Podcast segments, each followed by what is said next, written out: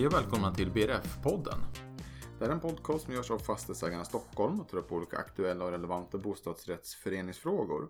Och det är tänkt att det ska fungera som en hjälp till er som sitter i styrelsen. Jag tror också du som boende i en bostadsrättsförening kan ha nytta av att lyssna på den här podcasten för att lära dig lite vad styrelsen jobbar med och vilka frågor de tampas med. Idag så ska vi prata om underhållsplan och underhållsplanering i en bostadsrättsförening och vad det innebär. Med mig för att prata om det här har jag Annie Karpland som är utvecklingschef på Fastighetsägarna Stockholm. Välkommen hit Annie! Tack så mycket! Det är andra gången du är med här. Ja, precis. Det börjar Ja. snart bli en vana. Ja, vad roligt. Precis. Eh, men om vi går in på, på dagens ämne direkt tycker jag som vi brukar göra här i podden. Så vi börjar med frågan, vad är egentligen en underhållsplan? Jo, en underhållsplan är ett planeringsverktyg som man behöver för att eh, planera sin, eh, sitt ägande av en fastighet och sitt förvaltande helt enkelt. Ofta är det här verktyget utformat som ett dokument där man sammanställer de underhållsåtgärder som man ska utföra eh, framåt i fastigheten. Och varför man gör det här är ju helt enkelt för att man vill minska risken för oförutsedda underhållsåtgärder och på så sätt eh, minska den totala kostnaden för underhållet. Så man skulle, man skulle enkelt förklarat eh, kunna säga att den här underhållsplanen sammanställer vad man ska göra, när det ska göras och kostnaden för det som man ska göra. Ja, just det. Eh, och du menar det här med oförutsedda underhållsåtgärder, det är alltså när det uppstår akuta problem eller? Exakt, precis. Det, det är bättre, det är billigare att laga ett tak eh, om du har planerat in det och handlat upp det av en entreprenör än att göra det när det väl har börjat läcka. Just det, ja men precis. Eh, och om man vill, eller, och, som, eller man bör ju jobba med underhållsplaner då. Och hur går man tillväga för att, för att sätta igång ett sådant arbete i en bostadsrättsförening?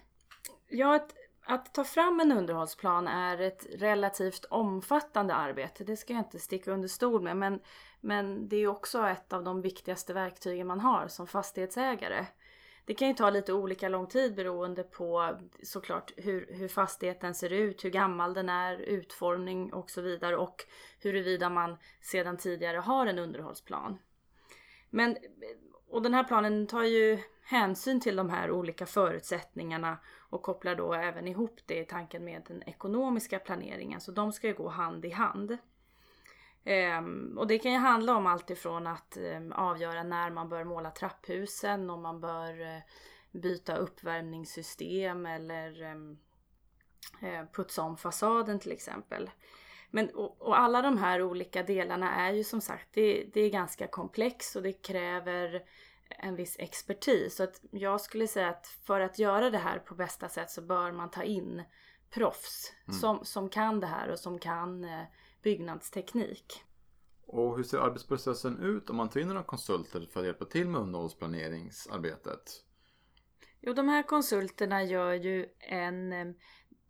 Det ser ut som en besiktning i princip av fastigheten där man mycket noggrant går igenom de olika komponenterna. Man gör en, en inventering och eh, då utifrån de här olika faktorerna som vi har varit inne på, byggnadsår, konstruktion, utformning och ålder. Så samlar man ihop den här informationen där man beskriver eh, de här olika delarna och eh, man gör en bedömning av underhållsbehovet av de olika byggnadsdetaljerna. Ehm, och sen förser man de här olika åtgärderna med ehm, tids, eh, en tidsangivelse när det bör genomföras och en uppskattad kostnad för det här. Ehm, och den här sammanställningen då levererar eh, den här konsulten till föreningen och det blir sedan det verktyg som ni ska jobba med i styrelsen. Ehm, där har man ju en tydlig beskrivning av exakt vad man behöver göra. Och sen ska man helt enkelt jobba med den här planen i, ja kanske inte dagligen, men löpande. Att man tar upp, eh, man kanske tar upp den med jämna mellanrum på styrelsemöten och har någon som ansvarar för den i styrelsen. Just det, det ska vara ett aktivt och Ett levande, dag. levande dokument. Ehm, exakt, och den, den, brukar man, den brukar ju även ligga till grund för det budgetarbete som du gör på hösten.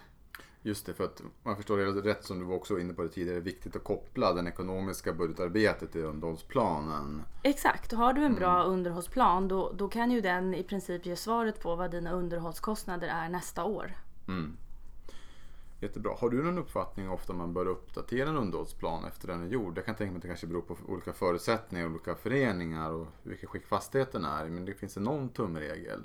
Jag skulle säga att man ska uppdatera den varje år. Ja. Och även om det är så att eh, när man tittar på den efter ett år och ser att den fortfarande är aktuell så kan man i alla fall kommentera det och säga att jo men vi har uppdaterat den men, men det fanns inget eh, att ändra i. Men man ska veta att varje år så ska man titta på den här planen. Just det, man gör en översyn av planen. Men det betyder kanske inte att man behöver ta in en, en expert varje år. N- nej.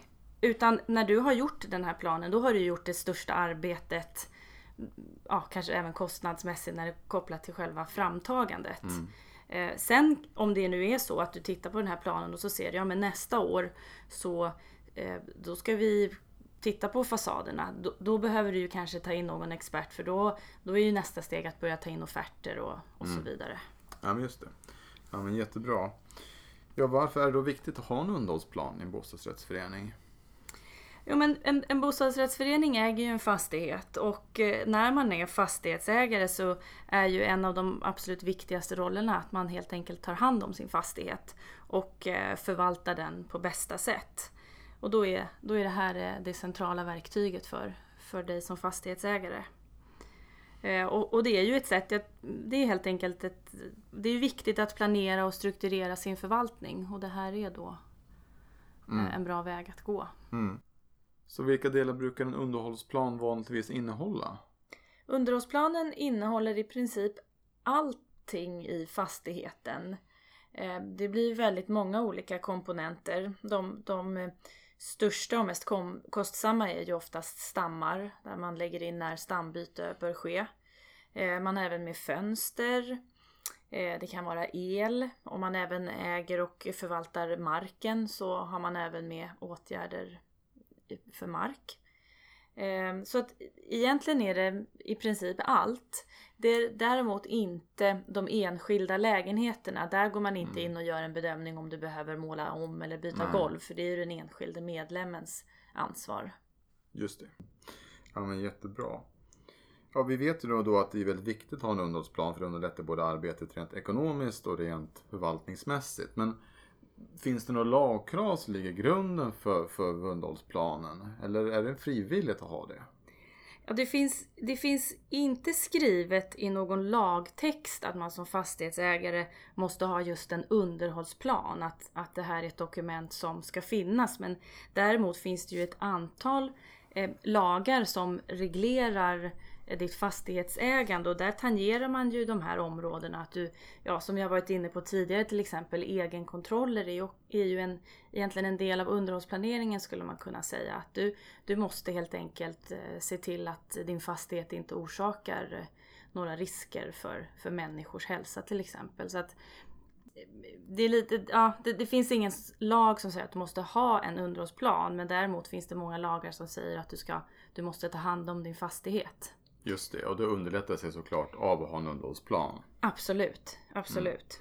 Så det blir som ett verktyg då att hantera den, de typen av lagkrav som finns inom olika områden. Ja, och att du som fastighetsägare och bostadsrättsförening får koll på, på den här fastigheten ni äger eller om det är flera fastigheter.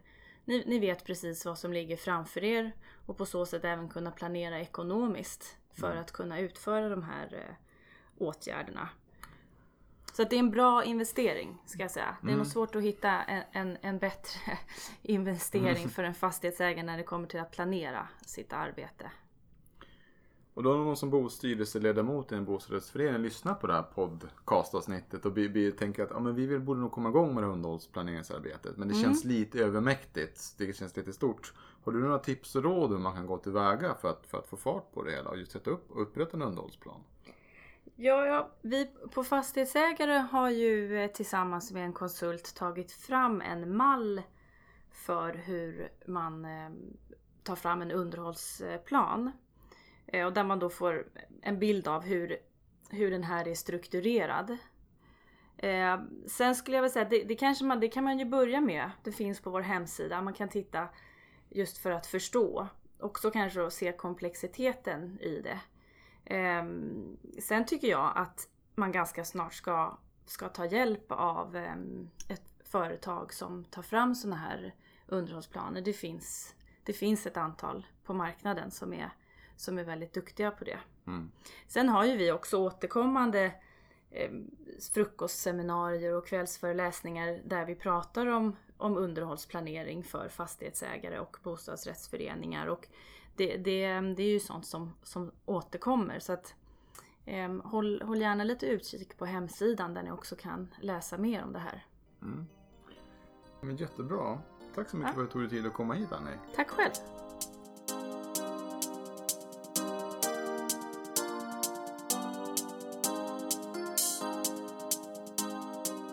Ni har precis hört avsnitt av BRF-podden. Ni hittar fler avsnitt av den här podcasten på Soundcloud.com, iTunes och på Podcaster. Ni kan även hitta dem på vår hemsida fastighetsagarna.se Stockholm. Men nu vill jag tacka för oss och önska på återseende framöver.